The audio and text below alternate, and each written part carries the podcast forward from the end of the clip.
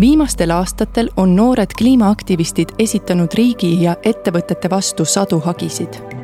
nüüd peavad kohtud hindama, kas heitkoguste vähendamisega viivitamine rikub tulevaste sugupõlvede õigusi. Eestis on noorte algatatud juriidiline võitlus veel pooleli aga Hollandis ja Saksamaal on kliimateemaliste hagidega õnnestunud kliimapoliitikat juba karmistada.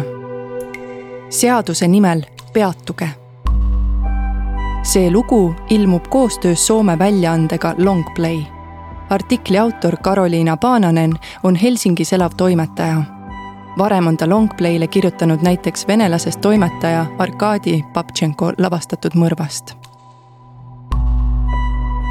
autor Karoliina Paananen, illustratsioonid Joonas Sildre, tõlkija Kadri Okas, toimetaja Heido Ots, audiolugu loeb Inga Salurand, salvestus, helikujundus, originaalmuusika Janek Murd. kui minna Kirde-Eestisse ja hakata seal maad kaevama, võib kruusa ja mullakihtide alt leida pruunikas halli kivi, põlevkivi, mida mujal maailmas tuntakse õlikiltkivina Eesti maapõue hakkas seda kivi moodustuma pikkade protsesside tagajärjel. Nelisada viiskümmend miljonit aastat tagasi oli peaaegu kogu elu maakeral vees ning kui meretaimed ja loomad surid, langesid need merepõhja. maa sisse rõhu alla jäänud surnud organismidest sündis fossiilseid põlevkivikogumeid paikadesse, mis on tänapäeval tuntud oma loodusvarade poolest. Ameerika Ühendriikidesse, Venemaale, Hiinasse, Brasiiliasse Eestis avastati põlevkivi sadu aastaid tagasi. Pandi tähele, et kivi on üsna tuleohtlik. kui sellest eraldati tükk ja pisteti tulle, levis leek kogu kivile. kui Eesti tuhande üheksasaja kaheksateistkümnendal aastal Venemaa võimu alt iseseisvus, tahtsid poliitikud teada, kas see tuleohtlik kivi võiks majanduslikult tulus olla alguses kühveldati kivikamakaid rongile, aurulaevadele ja tehaste kateldesse niisama, tasapisi hakati põlevkivi töötlema bensiiniks ja kütteõlideks. Jääkivist saadi asfalti linnatänavate katmiseks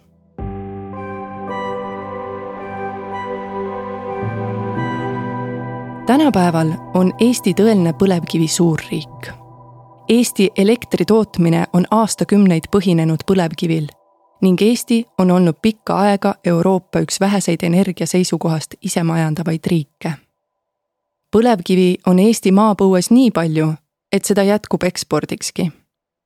Riigifirma Eesti Energia müüb seda kaubalaevadega välja veetavaks ja Eesti keemiatööstus on arendanud põlevkivist tooraineid näiteks Chanel'i parfüümide ja Schwarzkopfi juuksevärvide tarvis. põlevkivil on ka regionaalpoliitiline mõõde seda leidub eriti Ida-Virumaal, mis on tuntud oma vaesuse, töötuse ja sotsiaalsete probleemide poolest suurem osa seal elavatest inimestest on venekeelsed ja nende oodatav eluiga on oluliselt lühem kui mujal Eestis. seda on mõjutanud nii vaesus kui tööstuse poolt saastatud keskkond. näiteks on astma Ida-Eestis levinud haigus. selle kõige juures on kaevandused ja rafineerimistehased pakkunud töökohti. seepärast on mõnes mõttes lotovõit, et põlevkivi sattus nelisada viiskümmend miljonit aastat tagasi just sinna aga siis on need kliimaprobleemid. Põlevkivi rafineerimine ja põletamine elektri saamiseks kõlab juba põhimõtteliselt absurdse tegevusena. tegelikult ongi Eesti Energia toodetud elekter Euroopa kõige räpasem. lisaks määratutele kasvuhoonegaasi emissioonidele vabaneb selle põletamise käigus atmosfääri vääveldioksiidi ja lämmastikoksiide Euroopa Liit on kritiseerinud Eestit põlevkivisõltuvuse pärast saastekvootide tõusnud hinnad on muutnud põlevkivi põletamisel põhineva elektri tootmise mittetasuvaks ja viimastel aastatel see ongi Eestis märkimisväärselt vähenenud. muudatus näeb statistikas hea välja, ent ei paljasta kogu tõde. nimelt ei taha Eesti põlevkivi kasutamist lõpetada, vaid tahab seda rafineerida turgudele, mille marginaalid on jätkuvalt head, kütuseks, ekspordiks kahe tuhande kahekümnenda aasta märtsis avaldas Eesti Energia teate, mille pealkirjas öeldi. valitsus andis Eesti Energiale rohelise tule uue põlevkiviõli rafineerimistehase ehituseks. rafineerimistehas taheti ehitada Narva lähistele. kavanditel nägi see välja nagu suure kaubanduskeskuse mõõtmetega maamärk. uus rafineerimistehas tootnuks nii palju põlevkiviõli, et Eesti õli tootmine suurenenuks rohkem kui kolmandiku võrra. Jüri Ratase valitsus oli otsustanud toetada riigiettevõtte ehitushanget kokku saja kahekümne viie miljoni euroga. riigi rahaline tugi muutis kogu hanke üldse võimalikuks Eesti Energia oli arvutanud, et juba ainuüksi ehitustöömaa annaks tööd seitsmesajale idavirulasele. võib-olla juba samal aastal, kui ainult ehitustöödega oleks saanud võimalikult kiiresti pihta hakata. kui rafineerimistehas valmis saab, siis on ka sinna muidugi töötajaid vaja. lisaks töökohtadele lubas uus tehas Eestile ka rahalist kasu rafineerimistehases toodetud õli müügituluks hinnati kakssada viiskümmend miljonit eurot aastas oli teada, et uus rafineerimistehas suurendaks Eesti süsiniku jalajälge. riigi tööstus oli juba varemgi OECD maade kõige saastavam. ja see lõbu ei kestaks igavesti. millalgi saab põlevkivi Eestist otsa. Selleks kulub ainult umbes kolmkümmend aastat, kui Eestis kaevandataks põlevkivi kakskümmend miljonit tonni aastas nagu tippaegadel kiirel majanduslikul kasul oli poliitikute vaekausil rohkem kaalu kui kliimal otsus rafineerimistehase ehitamise kohta tehti kiiresti. Narva-Jõesuu linnavalitsus eraldas hankele ehitusloa juba päev pärast valitsuse toetavat otsust. oli siiski üks probleem. Kuueteistaastane gümnasist Kertu Birgit Anton. ta esitas Tartu halduskohtusse ehitusloa kohta kaebuse. Anton ja ta sõbrad olid seisukohal, et rafineerimistehase ehitamine rikuks nende tulevikku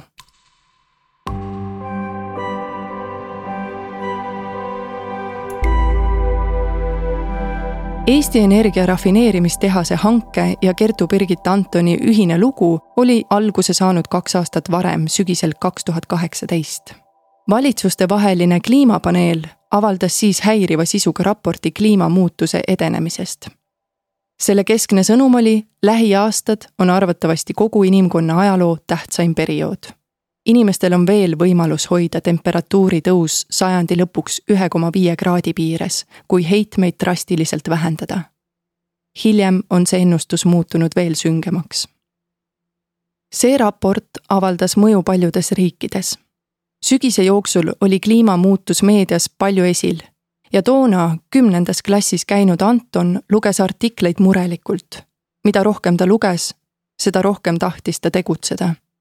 alguses vähendas ta lihasöömist ja loobus ostlemisest ning nõudis sama ka oma vanematelt. peagi hakkas ta siiski mõtlema, et eluviiside muutmine on lihtsalt põlve otsas nokitsemine ega vii kuhugi. samal ajal oli tema Stockholmis elav eakaaslane Greta Thunberg hakanud reedeti Rootsi parlamendi ees meelt avaldama. Thunberg oli käivitanud koolistreigi ta teatas, et pole mõtet kulutada aega tundides istumisele, kui poliitikutel pole tema sugupõlvele pakkuda tulevikku, mis kätkeks endas elamiskõlblikku planeeti. peagi kogunes parlamendihoone ette teisigi lapsi ja noori. Nad jätsid korra nädalas kooli minemata ning marssisid parlamendihoone ette käes sildid ja loosungid. Thunbergile hakkas kogunema jälgijaid üle maailma. liikumise nimeks sai Fridays for Future ehk reeded tuleviku nimel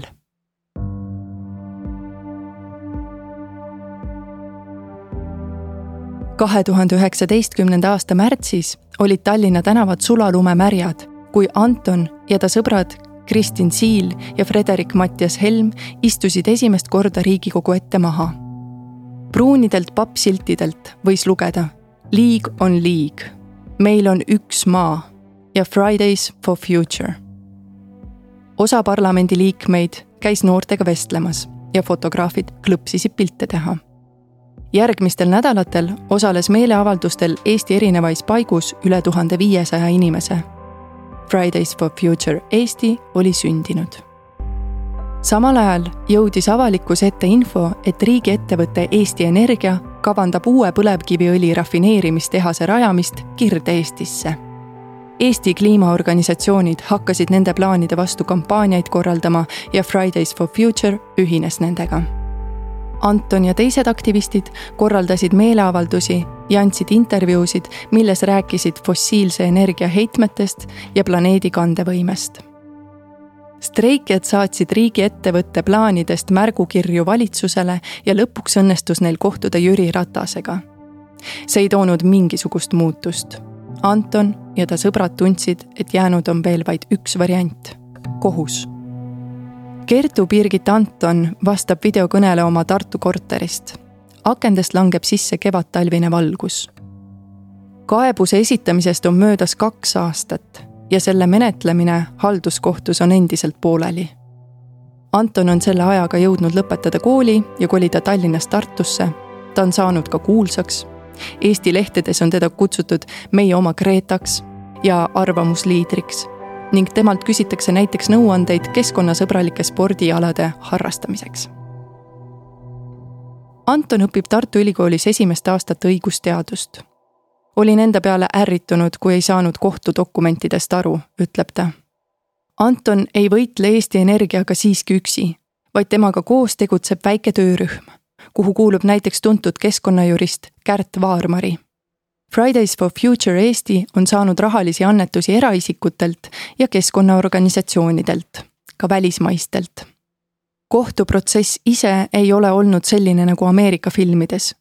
kohtuistungit pole veel korraldatudki. kõik on käinud ainult meili teel Fridays for Future on püüdnud esile tõsta, et ehitusloa otsuses ei võetud arvesse nende rahvusvaheliste lepingutega kaasnevaid kohustusi, millele Eestigi on alla kirjutanud. aktivistide meelest ei saavuta Eesti näiteks Pariisi kliimakokkuleppe eesmärke, kui ei vähenda põlevkiviõli tootmist. tehase kohalikud keskkonnamõjud on veel omaette teema. aktivistide meelest ei ole neid piisavalt hästi hinnatud lisaks üritab Fridays for Future Eesti juhtida tähelepanu sellele, et riiklikult nii tähtsat kliimaküsimust ei peaks üldse otsustama linnavalitsuses pelgalt ehitusloa küsimusena või tehase rajamisotsusena. Nende üle peaks otsustama pigem riigivalitsus. kampaania alguses proovisid aktivistid takistada rafineerimistehase ehitamist, apelleerides sellele, et kohtuprotsess oli veel pooleli. see ei õnnestunud rafineerimistehase nurgakivi pandi paika kahe tuhande kahekümne esimese aasta lõpus. kõik ei ole jälginud Antoni ja Fridays for Future'i kaebuste saagat rõõmuga. avalikes foorumites on omavahel vastandatud aktiviste ja Kirde-Eesti kaevandus- ja rafineerimistehase töötajaid. osa väidab, et oleme nende inimeste vastu, et tahame neilt töö ära võtta. aga see pole tõsi, lausub Anton. loo iroonilisus seisneb selles, et Antoni vanaisa töötas kunagi Ida-Virumaal põlevkivikaevanduse juhatajana. aga see oli teine aeg. Anton ütleb, et praegu ehitatavas põlevkiviõli rafineerimistehases on küsimus teatud laadi plaastris, millega poliitikud nagu lahendaksid vaese piirkonna probleeme. tegelikult vajab Ida-Virumaa haridust ja tulevikuinvesteeringuid, mitte rohkem põlevkiviõli ja saastet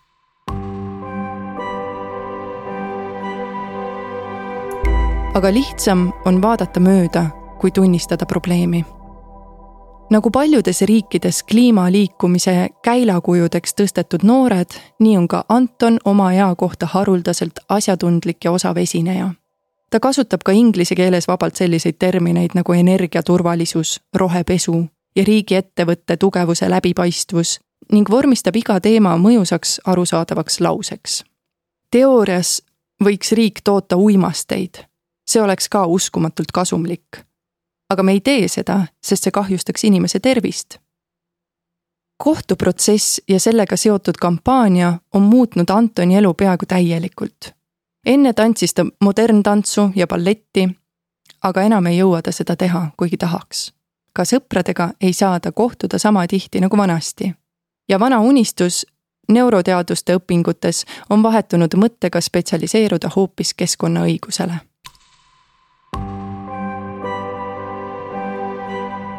on üsna nukker olla kuueteistaastane, seitsmeteistaastane, gümnaasiumiõpilane ja jõuda kohtusse, no küllap siis oma riigi vastu.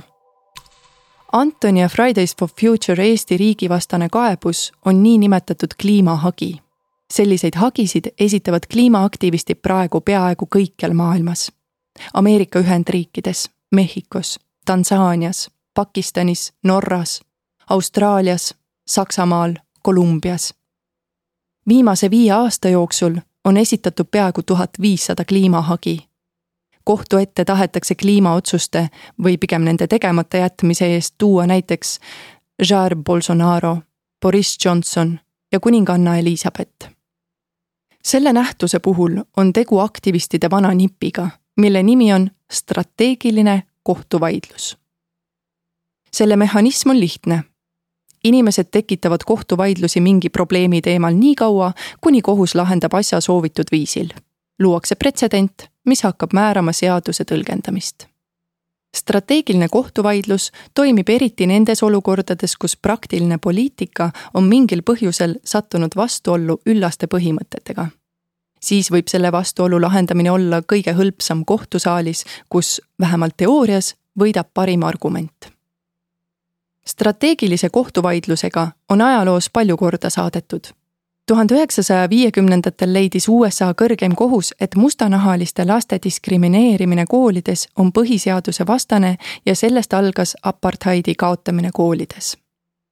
võimulolijate kaebamine kohtusse võib tunduda keerulisena ja isegi suurushullustusest kantud mõttena, aga tegelikult võib see olla lihtsam tee kui muud alternatiivid kui ühiskondlikke puudusi tahetakse kõrvaldada poliitikat kasutades, on selleks vaja raha, aega ja suhteid.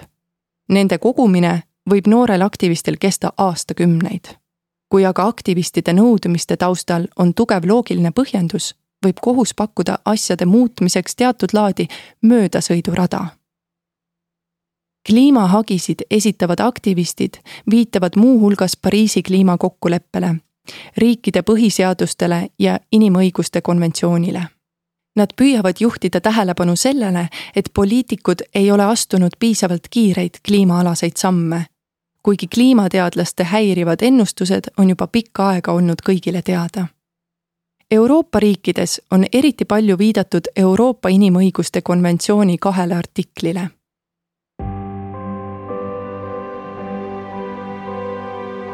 artikkel kaks igaühe õigust elule kaitstakse seadusega. kelleltki ei või tahtlikult võtta elu, välja arvatud kohtuotsuse täideviimisega, mis järgneb süüdimõistmisele kuriteos, mille eest seadus näeb ette sellise karistuse.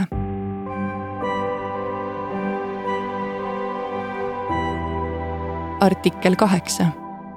igaühel on õigus sellele, et austataks tema era- ja perekonnaelu ja kodu ning sõnumite saladust. kliimahagisid ei esitata ainult avaliku võimu, vaid ka ettevõtete vastu, mis ongi loomulik. maailmas on ettevõtteid, mis tekitavad rohkem emissioone kui mõned riigid. üks tuntumaid juhtumeid puudutas naftahiiu Shelli tegevust Nigeerias. see tõestab, kui aeglane ja keeruline on hagi esitamine ettevõtete vastu aerofotodelt paistab Nigeri jõe delta piirkond määratu suure, lõputult jätkuva seeneniidistikuna. seal, Kagu-Nigeerias, asub Ogonimaa. see on umbes ühe koma viie miljoni elanikuga piirkond, mis on saanud maailmas tuntuks naftafirma Shelli põhjustatud tohutute keskkonnakahjude poolest. Shell asutas Nigeeriasse tütarfirma tuhande üheksasaja kolmekümnendatel, mil Nigeeria oli Suurbritannia asumaa tütarfirma ostis sealt palavikuliselt nafta leiukohti ja tuhande üheksasaja viiekümne kaheksandal aastal tabas see päris naelapea pihta. Ogonimaa maapõues oli määratu suur maardla. oleks võinud mõelda, et ogonid saavad tänu nafta leidmisele rikkaks, aga läks hoopis vastupidi kümnend kümnendi järel lekkis naftat tohutul määral loodusesse nii puuraukudest kui ka torudest Nigeeria valitsuse arvutuste kohaselt voolas perioodil tuhat üheksasada seitsekümmend kuus kuni tuhat üheksasada üheksakümmend kuus naftat igal aastal loodusesse keskmiselt viisteist miljonit liitrit. inimõiguste organisatsioonide hinnangute kohaselt veelgi rohkem. selle nahka läksid oogonite põllumaad ja kalaveed. kaevude joogivesi riknes. inimesed jäid haigeks ja surid mürgistustesse ning lapseootel naistel katkesid rasedused. Neid probleeme proovis maailma teadvusse tuua oogonite ellujäämisliikumine MOSOP, The Movement for the Survival of the Ogoni People. see nõudis Shellilt hüvitist loodusvarade ärakasutamise eest ja naftalekete lõppemist. Nigeeriat valitsenud sõjaväe hunta surus liikumise vägivaldselt maha sõdurid tulistasid meeleavaldajate pihta ja põletasid maha terveid elupiirkondi. aastal tuhat üheksasada üheksakümmend viis poodi kaheksa tuntud Ogoni aktivisti üles. Neid süüdistati mõrvades, aga neid süüdistusi peeti üldiselt võltsinguks.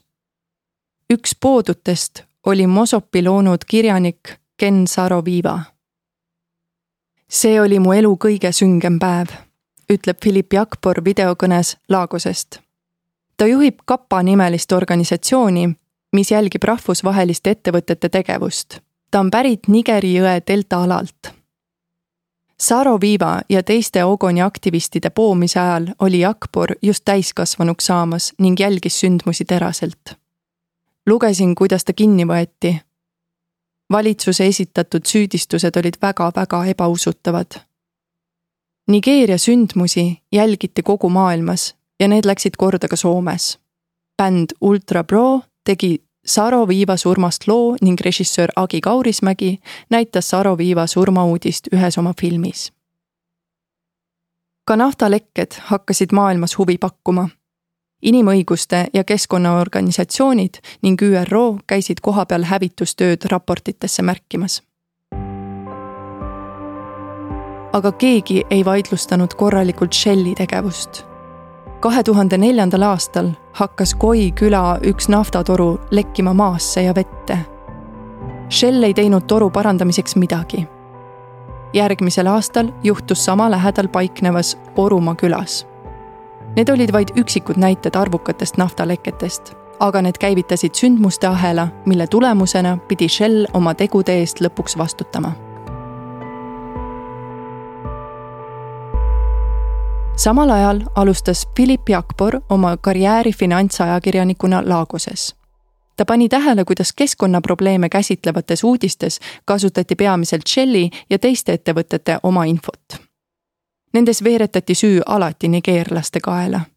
Shell reostas külasid ja jõgesid ning meedia ootas pressiteateid, lausub Jakpor vihaselt.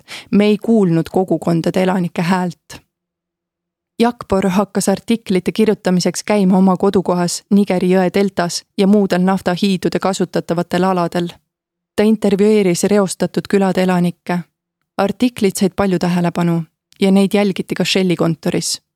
Jakpor hakkas firmalt saama kutseid meediakohtumistele. Nad proovisid olla toredad, aga mina olin veidi keeruline keskkonnaorganisatsiooni Nigeeria maasõprade kontoris jälgiti Akbori artikleid kiivalt. kahe tuhande seitsmendal aastal pakkus maasõbrad Jakporile töökohta pressiesindajana ja ta võttis töö vastu. Jakpor jätkas naftaga reostunud alade külastamist, saatis pressiteateid, pildistas lekkeid ja soovitas külaelanikel sama teha. info hakkas levima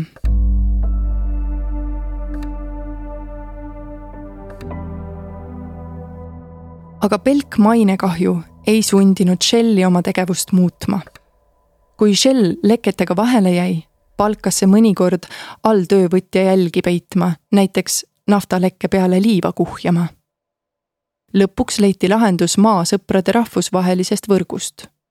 Shell oli Hollandi-Briti firma ja tekkis idee. Shelli Nigeeria tütarfirma võiks ehk kaevata Hollandis kohtusse keegi ei olnud varem midagi sarnast teinud. aga mis takistas neid üritamast?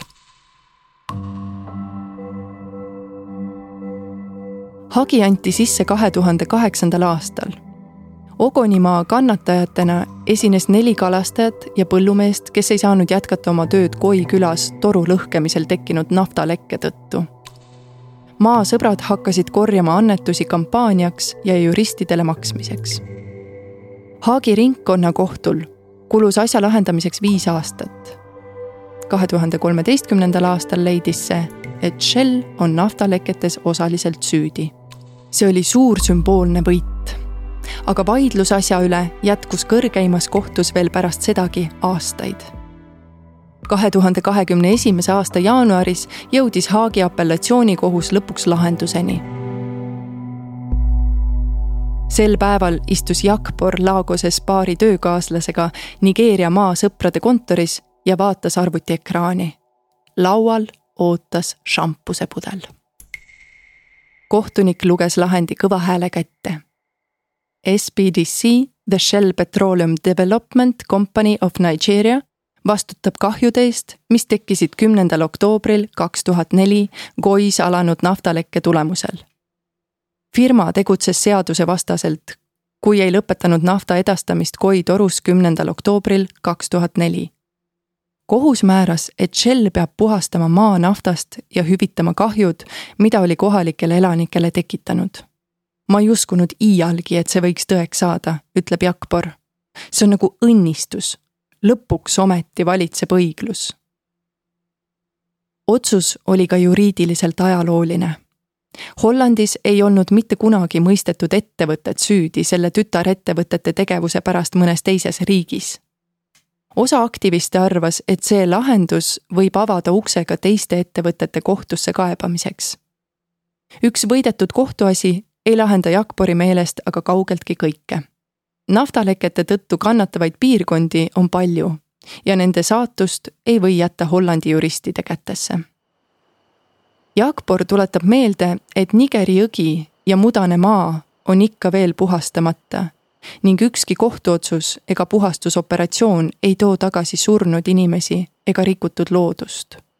kohtuprotsess oli nii pikk, et suur osa kaebuse esitanud ogonimaalastest jõudis enne otsuse saabumist surra kui Shell oli kohtuotsuse saanud, pidi see kohe uuesti kohtusse minema ja vastama uutele süüdistustele. Need viisid kohtuotsuseni, mis on tähtis kliimahagide pretsedent. ka seekord oli mängus organisatsioon Maasõbrad, seekord Hollandi oma. organisatsioon nõudis, et Shell vähendaks drastiliselt oma emissioone, kuna pidas ettevõtet üheks suurimaks maakera soojenemise põhjustajaks. Shelli sõnutsi esitati kaebus valel aadressil firma arvates olid lõpuks süüdi naftatarbijad. kohus selle seletuse õnge ei läinud. Kahe tuhande kahekümne esimese aasta mais kohustas see Shelli vähendama oma süsihappegaasi emissioone nelikümmend viis protsenti. Shell on kohtuotsuse edasi kaevanud. kohtuotsus julgustas paljusid kliimaaktiviste kõikjal maailmas. nüüd oli kohus nendega ühel nõul selles, et ka ettevõtted vastutavad selle eest, et meie planeet säiliks elamiskõlblikuna kaks aastat varem oli Hollandis jõutud teisegi tähtsa pretsedendini. Taaskord puudutas see riigi vastutust. Urgenda nimeline kliimaorganisatsioon oli esitanud hagi, milles väitis, et Hollandi valitsus ei kaitse oma kodanikke kliimamuutuste eest. merevee taseme tõus kujutab endast eriti suurt ohtu madalale Hollandile varem on Holland võtnud eesmärgiks vähendada oma emissioone aastaks kaks tuhat kakskümmend neliteist kuni seitseteist protsenti võrreldes tuhande üheksasaja üheksakümnenda aasta tasemega. Aga Urgenda juhtis tähelepanu sellele, et sellest ei piisa. organisatsioon pidas riigi tegevust Euroopa Inimõiguste konventsiooniga vastuolus olevaks. see nõudis, et kohus kohustaks riiki vähendama oma emissioone vähemalt neljandiku võrra pärast mitmeid kohtuistungeid tegi Riigikohus kahe tuhande üheksateistkümnenda aasta detsembris ajaloolise otsuse. see leidis, et riik peab tegema rohkem, et takistada kliimamuutustest tulenevat vääramatut ohtu ja kohustas Hollandi riiki tõstma emissioonide vähendamise eesmärki Urgenda nõutud tasemeni. see oli esimene kord, kui ühte riiki kohustati kaitsma oma kodanike kliimamuutuste eest. Holland kuulas ka sõna järgmisel aastal teatas see, et vähendab kolme uue söeelektrijaama kasutamist seitsekümmend viis protsenti. Pärast Hollandi pretsedenti on mõned muudki hagid muutnud riikide kliimapoliitikat. kahe tuhande kahekümne esimesel aastal kohustas Saksamaa konstitutsioonikohus liidu valitsust oma kliimaseadust karmistama. see leidis, et Saksamaa viivitamine kliimaalaste meetmetega maksab kätte mida kaugemale tuleviku kliimaalaseid tegevusi lükatakse, seda karmimaid meetmeid on vaja ja see viiks vältimatult kodanikuvabaduste piiramiseni. Samal aastal kohustas Iirimaa riigikohus valitsust koostama täpse kava selle kohta, kuidas kavatseb oma emissioone vähendada. kõik ei ole aktivistide võidu üle õnnelikud. nimelt on kohtuvaidluses peidus teatud laadi riigiteaduslik miin kohus tuleks nagu poliitikute mängumaale ja Montecchi püha kolmainsuse doktriin saab häiritud. Hollandi riigi meelest ei oleks kogu emissioonide vähendamise küsimust tohtinud kohtu ette viia. see leidis, et kui kohus määrab emissioonide vähendamise taseme, oleks see nagu määrus kohustada teatud laadi seadusi. võimu jagamise süsteemi ei tohi puutuda, sest see ei ole mitte kohtu, vaid demokraatlikult legitimeeritud valitsuse ülesanne, põhjendas riik kohtus. sama küsimus on vaevanud paljusid õigusteadust õppinuid. kas kohus viis Hollandi ühe kohtuhaamri löögiga lähemale kohturiigile? Kahe tuhande üheksateistkümnendal aastal pidas Soome kõrgeima halduskohtu president Kari Kuusiniemi halduskohtu päevadel kõne, milles ütles hoolimata headest kavatsustest ei pea ma selliseid arenguid soovitavateks kliimamuutus ja seda puudutavate rahvusvaheliste kokkulepete järgimine on eriti keeruline, poliitiline ja seadusandlik tervik, mille lahendamine üksikute kohtuotsustega ei ole minu meelest põhjendatud. Poliitiliste otsustajate ülesanne on leida terviklikult selle suurusklassi küsimusi puudutavad põhilahendused ja saata need täide seadusandlusega. küsimus ei ole ainult kliimamuutustes kui kohtunikel lastakse poliitikutest üle sõita ühes küsimuses, kas siis pole mitte olemas oht, et nii hakkab juhtuma ka teistes küsimustes? kas me oleme valmis selleks, et näiteks abordi või eutanaasia seaduslikkuse üle otsustabki hoopis kohus ja mitte parlament? kas kolmikvõimu jaotusele on mõistlik esitada väljakutset isegi kliimaküsimustes? see on siiras küsimus ja põhjendatud küsimus ütleb Turu Ülikooli keskkonnaõiguse professor Anne Kumbula. Urgenda juhtumi puhul juurdles kohus just selle küsimuse üle. kohus tõdeski oma otsuses, et kuigi sel ei ole formaalset jurisdiktsiooni, on küsimus nii fundamentaalses asjas, et kohus astub seadusandjale varbale. Kumbula on jälginud kliimahagisid kaua. tema peab nende levimise põhjuseks seda, et ükski muu meetod pole aidanud teatud pöördepunktis peab ta kahe tuhande üheksanda aasta Kopenhaageni kliimakonverentsi, mida mäletatakse täieliku läbikukkumisena. See äratas mõtte, et nüüd on vaja traditsiooniliste mõjutusviiside, üleskutsete, meeleavalduste, lobitöö kõrvale mingit mõjusamat ja nähtavamat viisi. siis hakatigi rääkima strateegilisest kohtuvaidlusest Kumbula toob esile laste ja noorte erandlikult suurt rolli kohtusaagades Neil on kõige rohkem mängus oma tulevik ja kasutada kõige vähem traditsioonilisi mõjutusvahendeid. Kliimahagide esitajatest paljud ei ole veel hääletusealisedki. lobiste ja huvikaitseorganisatsioone võetakse kuulda, ent on ilmselge, et noori pole kuulda võetud. siis on ainus variant võtta kasutusele sellised meetodid, kus poliitiline ja juriidiline kogukond sunnitakse kuulama kliimahagi esitamine ei tähenda sugugi alati õnnestumist. Anne Kumbula ütleb, et võidu saavutamise võimalus on suurem siis, kui küsimus on kliimamuutuse juba nähtavates konkreetsetes tagajärgedes. näiteks toob ta omandikaitse. kui savised põllud muutuvad vesiseks ja seal ei või veel kasvatada riisi, aga nisu ka enam mitte, siis see tähendab tegevusala hävimist palju raskem on rõhuda kohtus ähvardavatele tulevikuvisioonidele. Traditsiooniliselt on Euroopa riikide kohtusüsteemis pidanud hageja olema suuteline tõestama, kuidas just tema ise hagis esitatud kohtuasja eseme tõttu kannatab. tulevikku ulatavates kliimahagides ohvreid loomulikult täpselt veel ei teata.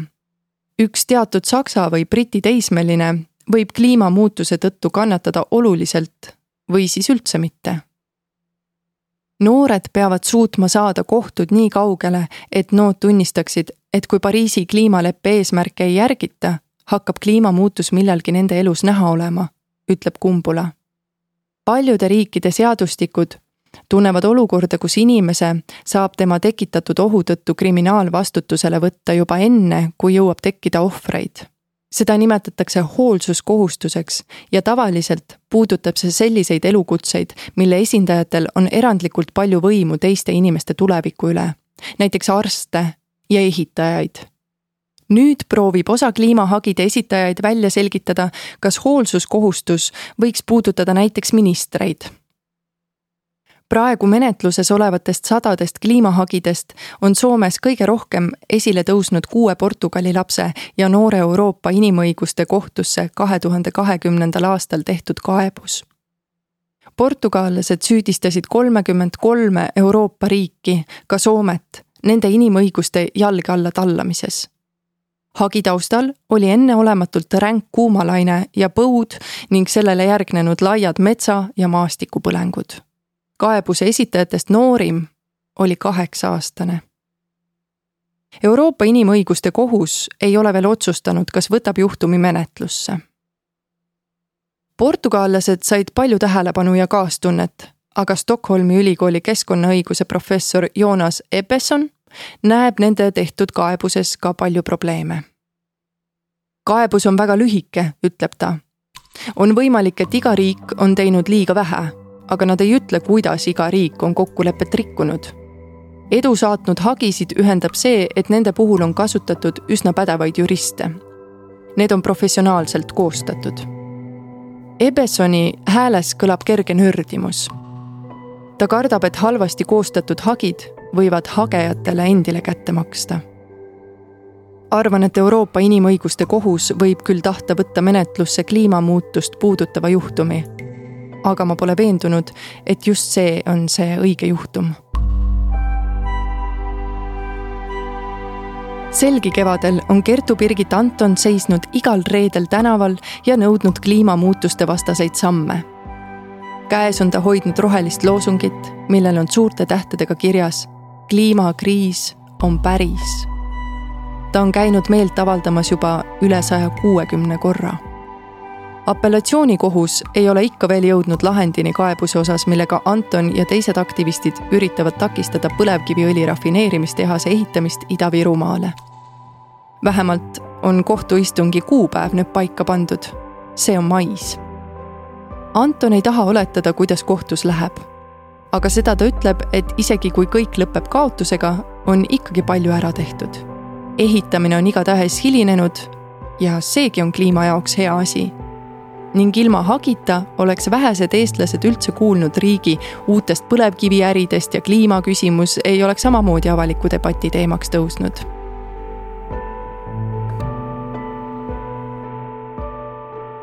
aga kui tulebki võit,